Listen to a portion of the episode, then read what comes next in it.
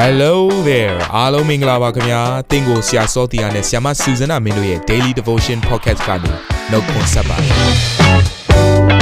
ဆရာနဲ့ဆ iam တို့ရဲ့အသက်တာမှာဘုရားရှင်ပြုတဲ့ကောင်းကြီးမင်္ဂလာများစွာရှိပါတယ်အဲ့ဒီအထက်ကပြန်လဲစီးဆင်းတဲ့နှုတ်ကပတ်တော်ကိုဒီနေ့မှနားထောင်ပြီးခွန်အားယူကြမှာဖြစ်ပါတယ်နေ့စဉ်10မိနစ်လောက်အချိန်ပေးပြီးမိမိရဲ့အသက်တာကိုကောင်းကြီးဖြစ်စေမယ်ဘုရားသခင်ရဲ့နှုတ်ကပတ်တော်နဲ့နီးလန်းတွေကိုအတူတကွခံယူကြရအောင်ခင်ဗျာ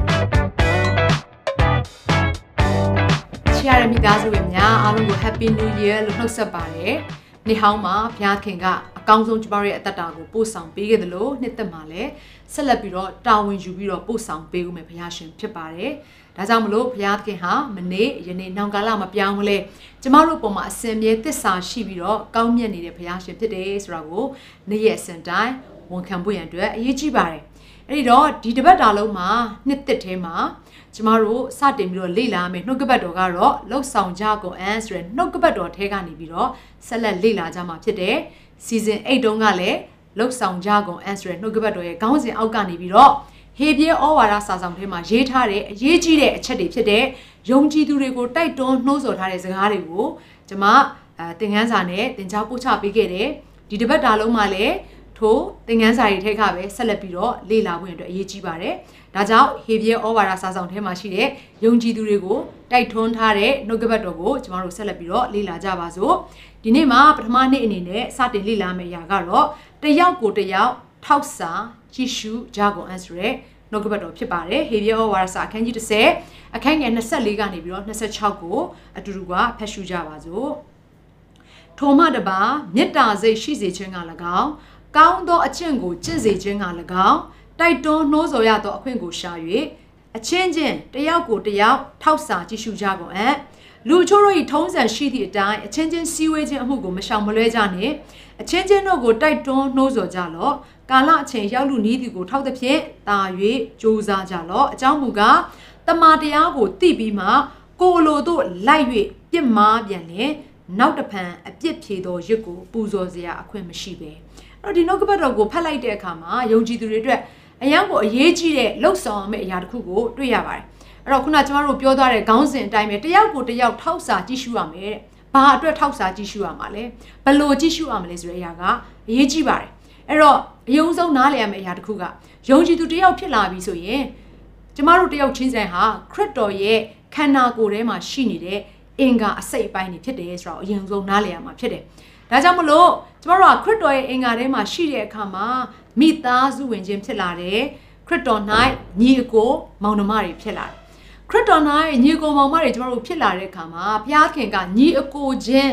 ရှိရမယ်စိတ်ထားရှိရမယ်နှလုံးသားကိုဒီနေ့ပြောပြထားပါတယ်အဲ့တော့ဘယ်လိုပြောထားလဲဆိုရင်ညီကိုချင်းတယောက်နဲ့တယောက်ဟာတဲ့မေတ္တာစိတ်ရှိဖို့ရန်အတွက်အရေးကြီးတယ်တဲ့ပြီးတော့ညီကိုချင်းတွေဟာကောင်းသောအကျင့်တွေကို ကျင့်ဖို့ရန်အတွက်အရေးကြီးတဲ့အတွက်ကြောင့်မလို့ဘလို့လှုပ်စေခြင်းလဲဆိုတော့ညီအကိုချင်းဖြစ်တဲ့ကျမတို့တယောက်ချင်းချင်ဟာတယောက်ကိုတယောက်တိုက်တွန်းနှိုးဆော်ရမယ်တဲ့အဲ့တော့တိုက်တွန်းနှိုးဆော်ခြင်းဆိုတဲ့အရာကဘာကိုပြောချင်တာလဲเนาะအဲ့တော့တယောက်နဲ့တယောက်တိုက်တွန်းနှိုးဆော်ဖို့ကဘယ်လိုလုပ်ဆောင်အောင်မလဲလူတယောက်ကိုကျမတို့ကတိုက်တွန်းနှိုးဆော်ခြင်းနေဆိုရင်သွားပြီးတော့သူနဲ့မိတ္တဟာရဖွဲ့ရမယ်သူ့ရဲ့အတ္တတာထဲမှာရှိနေတဲ့သူ့ရဲ့ခံစားချက်တွေသူ့ရဲ့အခက်အခဲတွေသူ့ရဲ့ပြဿနာတွေကိုကိုကနေပြီးတော့ နားထောင်ပေးပြီးတော့သူ့ရဲ့တက်တာထဲမှာလိုအပ်နေတဲ့အရာတွေကိုပြန်လည်ပြီးတော့ကျမတို့ကတိဆောက်ပေးရတာဖြစ်တယ်။ထိုအရာကိုတိုက်တွန်းနှိုးဆော်ခြင်းလို့ခေါ်တယ်။အဲ့တော့ညီကိုမောင်မချင်းချင်းခရစ်တော်၌မိသားစုဝင်အချင်းချင်းကနေ့ရက်အစဉ်တိုင်းမှာကျမတို့မိတ္တဟာယဖွဲ့နေဖို့အတွက်အရေးကြီးတယ်။ဒီ2022ခုနှစ်လုံးမှာတင်တယောက်တည်းဆက်လက်ပြီးတော့အသက်ရှင်ဖို့ရန်အတွက်မလုပ်ပါနဲ့ညီကိုမောင်မတွေဖြစ်တဲ့ကျမတို့တယောက်ချင်း စီတိုင်းတွေးဆုံခြင်းအပြင်မိတ္တဟာယဖွဲ့ခြင်းအပြင်တယောက်ကိုတယောက်နှုတ်ကပတ်တော်အပြင်တိဆောက်ခွန်အားပေးခြင်းအပြင်အသက်တာထဲမှာဘာဖြစ်လာမလဲဆိုလို့ရှိရင်ရင့်ကျက်ခြင်းစီကိုရောက်ရှိလာမှာဖြစ်တယ်။တနည်းအားဖြင့်ကောင်းသောအကျင့်တွေကိုတယောက်နဲ့တယောက်ပြန်လည်ပြီးတော့အဲပြုစုပေးတဲ့အသက်တာကြီးဖြစ်လာပါလိမ့်မယ်။ကျမတို့သိရမယ့်အရာတစ်ခုကယုံကြည်သူတယောက်ဖြစ်လာပြီဆိုရင်သင်ဟာခရစ်တော်ရဲ့ ကိုယ်အင်္ဂါထဲမှာရောက်ရှိသွားပြီဖြစ်တယ်။အဲ့တော့ခရစ်တော်ရဲ့ကိုယ်အင်္ဂါထဲမှာရောက်ရှိသွားတဲ့အရာကိုခရစ်တော်၌မိသားစုဝင်လို့လည်းခေါ်တယ်ညီအကိုချင်းလို့လည်းခေါ်ပါတယ်အဲ့တော့ညီကိုမောင်မဖြစ်လာပြီဆိုလို့ရှိရင်ခရစ်တော်ကသူ့ရဲ့စိတ်သဘောနဲ့သူ့ရဲ့နှလုံးသားနဲ့ညီကိုချင်းတွေကိုချစ်စေခြင်းနဲ့တနည်းအားဖြင့်တယောက်နဲ့တယောက်ပြန်လည်ပြီးတော့ကြည့်ရှုပေးတဲ့အရာကိုခရစ်တော်ကပြုလုပ်စေခြင်းနဲ့ဒါကြောင့်မလို့လေဒီနေ့ကျမ်းစာထဲမှာဘယ်လိုပြောထားလဲဆိုရင် ညီကိုချင်းတယောက်နဲ့တယောက်ကြားထဲမှာမေတ္တာစိတ်ရှိဖို့ရန်အတွက်တယောက်နဲ့တယောက်ကောင်းသောအကျင့်တွေကိုကျင့်ပြီးတော့တယောက်ကိုတယောက်ကူညီပေးနိုင်ဖို့ရန်အတွက်ကျမတို့ကဘာလုပ်ရမလဲဆိုတော့တဲ့အချင်းချင်းမိတ္တဟာယဖွဲ့ဖို့အတွက်အရေးကြီးပါတယ်အဲ့တော့အချင်းချင်းမိတ္တဟာယဖွဲ့လိုက်မှသာလေတယောက်ရဲ့အားနည်းချက်တယောက်ရဲ့ခံစားချက်တယောက်ရဲ့လိုအပ်ချက်တွေကိုသိနာလည်နိုင်ပြီးတော့တိုက်တွန်းနှိုးဆော်လို့ရမယ်တနည်းအားဖြင့်ခွန်အားပေးလို့ရမယ်သူ့ရဲ့တက်တာကိုဆွဲထူပေးလို့ရမယ်အမားလုံနေတယ်ဆိုလို့ရှင်လေ လက်မှန်တဲ့ကိုပြန်လဲပြီးတော့တက်မဲ့ပေးလို့ရစရာအကြောင်းရှိပါတယ်အကယ်၍မိသားရမဖွဲ့ဘူးဆိုရင်တော့ဒါကကျမတို့ရဲ့ကိုအင်္ဂါအချင်းချင်းကိုဂယုမဆိုင်ခြင်းဖြစ်တယ်သူ့ကိုလစ်လျူခြင်းဖြစ်တယ်တနည်းအားဖြင့်ညီအကိုချင်းနဲ့ဆိုင်တဲ့နှလုံးသားမရှိခြင်းဖြစ်တယ်အဲ့တော့သူ့ရဲ့နော်ဓာတ်ရိုက်စကားကိုပြောရမယ်ဆိုရင်တော့တကိုယ်ကောင်းဆန်တဲ့ညီအကိုလို့ပြောရမှာပေါ့ဒီနေ့ထိုကဲ့သို့သောနှလုံးသားကိုဒီနေ့ဘုရားခင်က မလိုချင်ပါဘူးအလိုမရှိပါဘူး။ဘာဖြစ်လို့လဲဆိုရင်ဒီနေ့တမန်ကျမ်းစာထဲမှာဘယ်လိုပြောထားလဲဆိုရင်ဖိလိပ္ပိအခန်းကြီး2အခန်းငယ်3ကနေ9ထဲမှာရန်တွေ့လိုသောစိတ်အချင်းကြီးကြော်စောကိတ္တုကိုတက်မှတ်သောစိတ်ရှိ၍အဘယ်အမှုကိုများမပြုကြနဲ့။သူတစ်ပါးသည်ကိုယ့်ထက်သာ၍ကောင်းမြတ်သည်ဟုနှိမ့်ချသောစိတ်ရှိ၍တယောက်ကိုတယောက်ထင်မှတ်ကြလော့။ကိုယ်အမှုရာကိုသာမရှုမမှတ်ဘဲသူ့အမှုရာကိုအချင်းချင်းရှုမှတ်ကြလော့။ယေရှုခရစ်၌ရှိသောထိုစိတ်တော်ကိုသင်တို့၌လည်းရှိစေကြလော့ ထိုသခင်သည်ဘုရားသခင်၏တရံတော်နှင့်ပြည့်စုံတော်မူသည်ဖြစ်၍ဘုရားသခင်နှင့်ပြိုင်သောအမှုကိုလူယူခြင်းအမှုဟူ၍မထင်မမှတ်လျက်ပင်မိမိအတရေကိုစွန့်၍အစေခံကြုံ၏တဒံကိုယူဆောင်လျက်လူကဲ့သို့သောအဖြစ်၌ဖွားမြင်ခြင်းကိုခံတော်မူ၏အဲ့တော့ကျမ်းစာထဲမှာဘယ်လိုဖော်ပြထားလဲဆိုရင်ညီအကိုချင်းမရှိတဲ့နှလုံးသားကတော့တဲ့တစ်ဖက်သားကိုတွားပြီးတော့ရန်တွေ့တဲ့နှလုံးသားအဲ့လိုစိတ်ဓာတ်မရှိသင့်ဘူးကိုကသား၍ထင်ပေါ်ဖို့ရန်အတွက်ကိုကသား၍ကြော်စောဖို့ရန်အတွက်ကိုယ့်ရဲ့အလိုဆန္ဒကိုရှေ့တန်းတင်ပြီးတော့ မလုံဆောင်သင့်ဘူးသူတစ်ပါးကကိုယ့်ရဲ့ညီကိုချင်းကကိုယ့်ထက်တာ၍ကောင်းမြတ်တယ်တာ၍တော်တယ်တာ၍ရှေ့ကိုရောက်နေတယ်ဆိုရက်နှလုံးသားကိုထဲ့တက်ပြီးတော့ထားတက်ပြီးတော့ဂုံပြုတ်တက်တဲ့နှလုံးသားရှိစေဖို့ရအတွက်ဘုရားခင်ကအလိုတော်ရှိပါတယ်အဲ့ဒါကတော့ယေရှုခရစ်တော်ရဲ့စိတ်တဘောပါအဲ့တော့တယောက်ကိုတယောက်အဲ့လိုကြည့်ရှုပေးခြင်းအပြင်ဘာဖြစ်လာလဲဆိုတော့ယုံကြည်သူတွေဟာအသက်တာထဲမှာခိုင်ခန့်ခြင်းရှိလာတယ်အဲ့တော့ခုနကကျွန်မဖတ်ခဲ့တဲ့ကျမ်းစာထဲမှာဆိုမိတ္တဟာယဖွဲ့ခြင်းမရှိဘူးတယောက်နဲ့တယောက်တိုက်တွန်း သွေးဆောင်ခြင်းမရှိဘူးဆိုရင်ဘလောက်အခြေအနေရှိတောင်ဖြစ်သွားနိုင်လဲဆိုတော့ဟေဘရဲ30 26မှာဒီလိုပြောထားပါတယ်။တမာတရားကိုသိပြီးမှကိုယ်အလိုတို့လိုက်၍ပြစ်မှားတတ်တဲ့အဖြစ်တောင်ရောက်သွားနိုင်တယ်တဲ့။ဆိုလိုတဲ့သဘောကတယောက်နဲ့တယောက်မိသားရမဖွဲ့တော့တဲ့အခါမှာကိုယ့်ရဲ့ဇာတိစိတ်ရဲ့အလိုလောကရဲ့သွေးဆောင်ခြင်းနဲ့ပေါင်းဖက်သွားတဲ့အခါမှာဒီနေ့ယုံကြည်သူတိုင်းဟာဘာဖြစ်လာတယ်လဲဆိုအပြည့်ရဲ့သွေးဆောင်နောက်ကိုလိုက်ပြီးတော့ယုံကြည်ခြင်းတရားကိုပင်စွန့်ပယ်လာတဲ့အစဉ်ဒီဖြစ်တတ်ပါတယ် ဒါကြောင့်မလို့ညီကိုချင်းတယောက်နဲ့တယောက်မိသားရဖွဲ့ခြင်းဆိုတဲ့အရာကနော်ကျမတို့ဒီအတိုင်းပဲသွားပြီးတော့ပျော်ပွဲရှင်ပွဲတဲ့ဖွယ်မဟုတ်ပါဘူးသူ့ရဲ့ဝိညာဉ်ရေးရာကိုထောက်စာကြည့်ရှုပြီးတော့သူ့လိုအပ်တဲ့အရာတွေကိုဖြည့်ဆည်းပေးဖို့ရန်အတွက်မိသားရဖွဲ့ရခြင်းဖြစ်တယ်ဒါကြောင့်မလို့မိသားရဖွဲ့ပြီးဆိုရင်ကျမတို့စားဖို့တောက်ဖို့လောက်ပဲမိသားရဖွဲ့တာမဟုတ်ဘူးเนาะကျမတို့ကဘာလုပ်ထားရမလဲဆိုတော့သူနဲ့တွေ့မယ်ဆိုရင်သူ့အတွက်လိုအပ်မဲ့နှုတ်ကပတ်တော်တွေကအစားကိုယ့်ဘက်ကပြင်ဆင်ပြီးတော့ယူဆောင်သွားတတ်ဖို့ရန်အတွက်လည်း အရေးကြီးပါတယ်ဒီအရာဟာညီအကိုချင်းတယောက်နဲ့တယောက်ထောက်စာကြည့်ရှုခြင်းရဲ့လှုပ်ဆောင်ချက်တစ်ခုဖြစ်ပါတယ်အဲ့တော့ကျမ်းစာထဲမှာဂလာတိခန်းကြီး9အခန်းငယ်73ကနေ14ထဲမှာလည်းဒီလိုဖော်ပြထားပြန်တယ်ညီကိုတို့တင်တို့သည်လွတ်ချင်းအခွင့်ကိုရတော်သူဖြစ်၏သို့တော်လည်းဇာတိပဂရိအားအခွင့်ကိုပေး၍ထိုလွတ်ချင်းကိုမတုံးကြနဲ့အချင်းချင်းချစ်၍အမှုချင်းကိုဆောင်ရွက်ကြလော့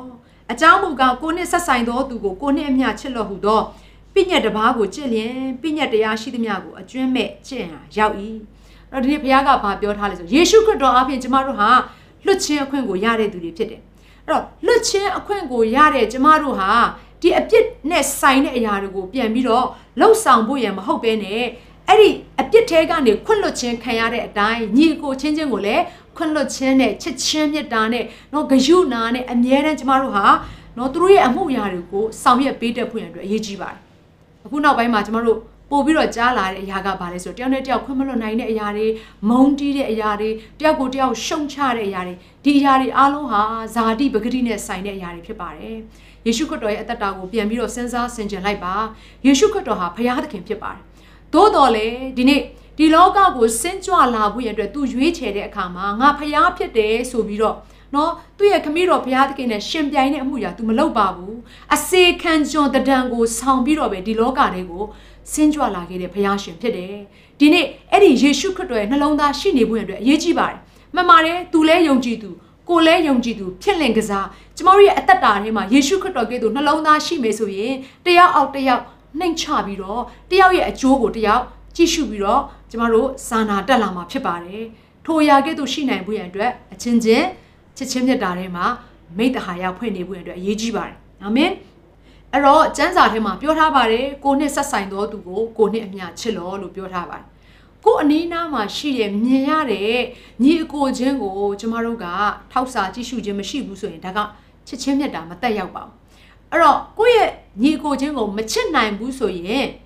မမြင်ရတဲ့ဘုရားကိုချစ်နိုင်တယ်လို့ပြောနေခြင်းကမှုသားပါဒါကြောင့်မလို့မြင်ရတဲ့ညီကိုချင်းကိုအရင်ချစ်ပါမြင်ရတဲ့ညီကိုချင်းရဲ့အစီကိုအရင်ဆောင်ရွက်လိုက်ပါဒါဆိုလို့ရှိရင်မမြင်ရတဲ့ဘုရားသခင်ရဲ့အစီကိုလည်းချစ်ချင်းမြတ်တာအပြည့်နဲ့ဆောင်ရွက်လာနိုင်မှာဖြစ်ပါတယ်အဲ့တော့ဒီဥပမာလေးကိုကျွန်မပြောချင်တယ်ယုံကြည်သူတွေရဲ့အသက်တာထဲမှာဘာဖြစ်လို့ညီအကိုချင်းကိုထောက်စာကြည့်ရှုခြင်းမရှိခြင်းရတယ်လေဆိုရင် self center လို့ခေါ်တဲ့ငါဆိုတဲ့အတ္တရှိနေလို့ဖြစ်တယ် အဲ့တော့ငါဆိုတဲ့အတ္တကိုကျမတို့နှလုံးသားရဲ့ပလင်ပေါ်မှာအမြဲတမ်းတင်ထားမယ်ဆိုရင်တော့ဇာတိပဂရိခရိယအတ္တကြီးပဲဖြစ်နေပါလိမ့်မယ်တနည်းအားဖြင့်ဝိညာဉ်နဲ့ဆိုင်တဲ့အသီးအပွင့်တွေကိုတီးပွင့်လာနိုင်တဲ့သူတယောက်မဖြစ်ဘူးဖခင်ရဲ့စိတ်ကိုကျေနပ်အားရဝမ်းမြောက်စေတဲ့သူဖြစ်လာမှာမဟုတ်ဘူးဒါကြောင့်မလို့ကျမတို့ရဲ့နှလုံးသားပလင်ပေါ်မှာငါဆိုတဲ့အတ္တကိုအောက်ကိုပြစ်ချလိုက်ပါအဲ့ဒီပလင်ပေါ်မှာရှိရမယ့်သူကသခင်ခရစ်တော်ပဲဖြစ်ပါတယ် သခင်ခရစ်တော်ကိုသင်ကနေရာပေးလိုက်မယ်ဆိုရင်ထိုသခင်ခရစ်တော်ရဲ့နှလုံးသားနဲ့သင်ပြည့်ဝသွားပြီဆိုရင်တော့လူတိုင်းကိုခရစ်တော်ရဲ့မေတ္တာနဲ့စတင်ပြီးတော့ချစ်လာနိုင်မှာဖြစ်တယ်ခရစ်တော်ကိုစိတ်စိတ်ကြည့်ရှုပြီးတော့ကျမတို့အသက်တာထဲမှာရှောက်လန်းမယ်ဆိုရင်တော့ထိုခရစ်တော်ကိုကျမတို့ရဲ့နှလုံးသားပလင်ပေါ်မှာနေရာပေးလိုက်ခြင်းပဲဖြစ်ပါတယ်ကျမနောက်ဆုံးအနေနဲ့ဒီဥပမာလေးကိုပေးပြီးတော့အဆုံးသတ်ချင်ပါတယ်ဂျပန်နိုင်ငံမှာရှိတဲ့စားတောက်ဆိုင်တွေမှာအလုပ်လုပ်ရတဲ့ဇပွဲတို့ဝန်ထမ်းတွေဟာ သူတို့အလုပ်လုပ်တဲ့အခါမှာ customer လို့ခေါ်တဲ့စားသုံးသူရဲ့စိတ်သဘောထားကျေနပ်သွားစေဖို့အတွက်အဆင်ပြေသွားစေဖို့ရန်အတွက်သူတို့တွေကအကောင်းဆုံးတာဝန်ယူကြတယ်အဲ့လိုတာဝန်ယူနိုင်ဖို့ရန်အတွက်လည်းတည်တည်ချာချာသူတို့ကပြုစုပြောထောင်ခြင်းကိုခံခဲ့ရပါတယ်အထူးသဖြင့် customer ရဲ့เนาะသူတို့ရဲ့လိုအပ်မှုတွေအဝေးရတော်လကောင်းအနီးရတော်လကောင်း customer ရဲ့เนาะအခြေအနေဟန်ပန်အမှုရာကိုကြည့်ပြီးတော့အကောင်းဆုံးလိုက်လံပြီးတော့သူတို့ကဖြည့်ဆည်းပေးကြတယ် အဲ့လိုဖြည့်ဆည်းပေးနိုင်ဖို့ရန်အတွက်ဒီ waiter လို့ခေါ်တဲ့ဇပွဲတိုးလေးကသူဘာဖြစ်ချင်တယ်လဲဆိုတဲ့အရာကို तू ကစဉ်းစားပြီးတော့အလုပ်လုပ်ရတာမဟုတ်ဘူးတစ်ဖက်မှာရှိတဲ့စားသုံးသူဘာဖြစ်ချင်တယ်လဲဆိုတဲ့အရာကိုသူကလိုက်လံကြည့်ရှုပြီးတော့မှပဲလှုပ်ဆောင်ပေးရတာဖြစ်တယ်အဲ့တော့သူ့ရဲ့အလိုဆန္ဒမဟုတ်ဘဲနဲ့တစ်ဖက်မှာရှိတဲ့သူရဲ့အလိုဆန္ဒကိုအကျိုးကိုသူကရှာပြီးတော့လိုက်လံလှုပ်ဆောင်မှပဲအကောင်းဆုံးသောဝန်ထမ်းတစ်ယောက်ဖြစ်လာတယ်အဲ့တော့ဒီအမှုရာကိုကျွန်မကြည့်ခြင်းအပြင် ကျွန်မညီကိုချင်းရဲ့တယောက်ကိုတယောက်ထောက်စာကြည့်ရှုခြင်းကိုတွားပြီးတော့ပုံဥပမာယူမိတဲ့အရာကကျမတို့တယောက်ချင်းစီတိုင်းကသာလေမိမိရဲ့ညီအကိုချင်းရဲ့အခြေအနေသူ့ရဲ့စိတ်နေသဘောထားသူ့ရဲ့လိုအပ်ချက်သူ့ရဲ့ခံစားချက်တွေအားလုံးကိုကျမတို့ကအဝေးကတော့၎င်းအနီးကတော့၎င်းအမြဲတမ်းကြည့်ရှုပေးပြီးတော့ထောက်စာနေမယ်ဆိုလို့ရှိရင်ညီကိုချင်းတွေတယောက်ချင်းစီတိုင်းဟာတကယ်ကိုမေတ္တာထဲမှာကြီးထွားပြီးတော့ရင့်ကျက်တဲ့သူတွေဖြစ်လာမှာအမှန်ပါပဲတယောက်ကိုတယောက်တကယ်ကိုတိုက်တွန်းနှိုးဆော်ခြင်းနဲ့ တိဆောက်ခြင်းနဲ့တကွာခရစ်တော်ရဲ့စိတ်သဘောနဲ့ပြည့်စုံပြီးတော့ဘုန်းတော်ထင်ရှားတဲ့အသေးနဲ့တင့်တယ်တဲ့ခရစ်တော်ရဲ့ကိုယ်အင်ကဖြစ်လာမှာအမှန်ပါပဲဒါကြောင့်မလို့ဒီနေ့နှုတ်ကပတ်တော်အားဖြင့်အားပေးလိုပါတယ်ညီကိုချင်းမိတ္တာရဖွဲ့ခြင်းမရှိဘူးဆိုရင်သင်ဟာအပြစ်သွေးဆောင်ရာနောက်ကိုအလွယ်တကူနဲ့အလစ်အမြန်ပါသွားစရာအကြောင်းရှိနေပါတယ်ဒါကြောင့်တကိုကောင်းမဆန်ပဲနဲ့ကိုယ့်ရဲ့အဆင်ပြေနေတဲ့အခြေအနေတွေကနေထွက်ပြီးတော့ညီကိုချင်းရဲ့လိုအပ်ချက်တွေသူ့ရဲ့ ခံစားချက်တွေအားလုံးကိုထောက်စာကြည့်ရှုပြီးတော့ကျမတို့စတင်ပြီးတော့မိသားရောက်ဖွဲ့ဖို့ရန်အတွက်တိုက်တွန်းနှိုးဆော်ဖို့ရန်အတွက်ကျမဒီနေ့နှုတ်ကပတ်တော်အားဖြင့်အရောက်ချင်းစတိုင်းကိုအတိပေးနှိုးဆော်လိုပါတယ်အရောက်ချင်းစတိုင်းကိုဘုရားခင်အထူးကောင်းကြီးပေးပါစေအခုချိန်မှာကျမတို့တယောက်ချင်းစီတိုင်းအသက်တာအသီးသီးကိုစက္ကန့်အနှံကြပါစို့အသက်ရှင်တော်ဘုရားကောင်းမြတ်တော်ဘုရား သားသမီးတို့ကိုနေညမပြတ်တတိနေကြည့်ရှုတော်မူတော်ဘုရားနာမတော်ဒီဘုန်းကြီးမင်္ဂလာရှိပါစေဒီနေ့နှုတ်ကပတ်တော်အတိုင်းပဲသားသမီးတို့ရဲ့အသက်တာဟာတကူကောင်းဆန်သောအသက်တာမဖြစ်ဘဲနဲ့မိမိညီအကိုချင်းကိုခရစ်တော်ရဲ့စိတ်သဘောထားနဲ့အမြဲတမ်းထောက်စာကြည့်ရှုတတ်တော်သူများဖြစ်စေဖို့ရန်အတွက်သားသမီးတို့အသက်တာအသီးသီးကိုကိုတော့အထံတော်မှာစက္ကဲအနှံပါပြီကိုရဲ့နှလုံးသားနဲ့တူစေပါကိုရဲ့အတွေးခေါ်နဲ့တူစေပါဘုရားသခင်အထူးသဖြင့်သားသမီးဒီလောကထဲမှာအသက်ရှင်တဲ့အခါမှာ ကို့အကျိုးအလွန်ငါမဟုတ်ပဲနဲ့ဒီနေ့ကိုယ့်ရဲ့အနားမှာကိုတော့ထားထားပြီးတဲ့သူတယောက်ချင်းစီတိုင်းရဲ့အကျိုးကိုအမြဲတမ်းထောက်စာကြည့်ရှုပြီးတော့ညီအကိုချင်းစစ်မှန်တဲ့ချစ်ချင်းမြတ်တာနဲ့ချစ်တတ်ပါမိအကြောင်းဝိညာဉ်တော်ဘုရားသားသမီးတို့ကိုနေ့ရက်အစဉ်တိုင်းမှာသင်ပေးပါကိုရဲ့တမန်တရားနဲ့ပြည့်ဝစေပါနှုတ်ကပတ်တော်နဲ့ဟိုအညီအသက်ရှင်တက်စေဖို့ရန်အတွက်လည်းသားသမီးတို့ကိုနေ့ရက်အစဉ်တိုင်းမှာဆွဲခေါ်ပေးပါဘုရားသခင်ဒီနေ့ဒီနေ့တာလုံးအသက်ရှင်တဲ့အခါမှာဝိညာဉ်တော်ဘုရားကိုအနားမှာ ကိုရောထားထားပြီးတဲ့သူတယောက်ချင်းစီတိုင်းကိုအိုးကိုရောဖျားရဲ့မြစ်တာနဲ့ကိုရောဖျားရဲ့ဂယုဏနဲ့ထောက်စာကြည့်ရှုတက်ဖို့ရန်အတွက်အသက်တာအသီးသီးကိုကောင်းကြီးပေးတဲ့အခါမှာယေရှုနာမကိုမြည်ပြီးကောင်းကြီးပေးလဲဆုတောင်းဆက်ကဲအနံပါတယ်အဖာအာမင်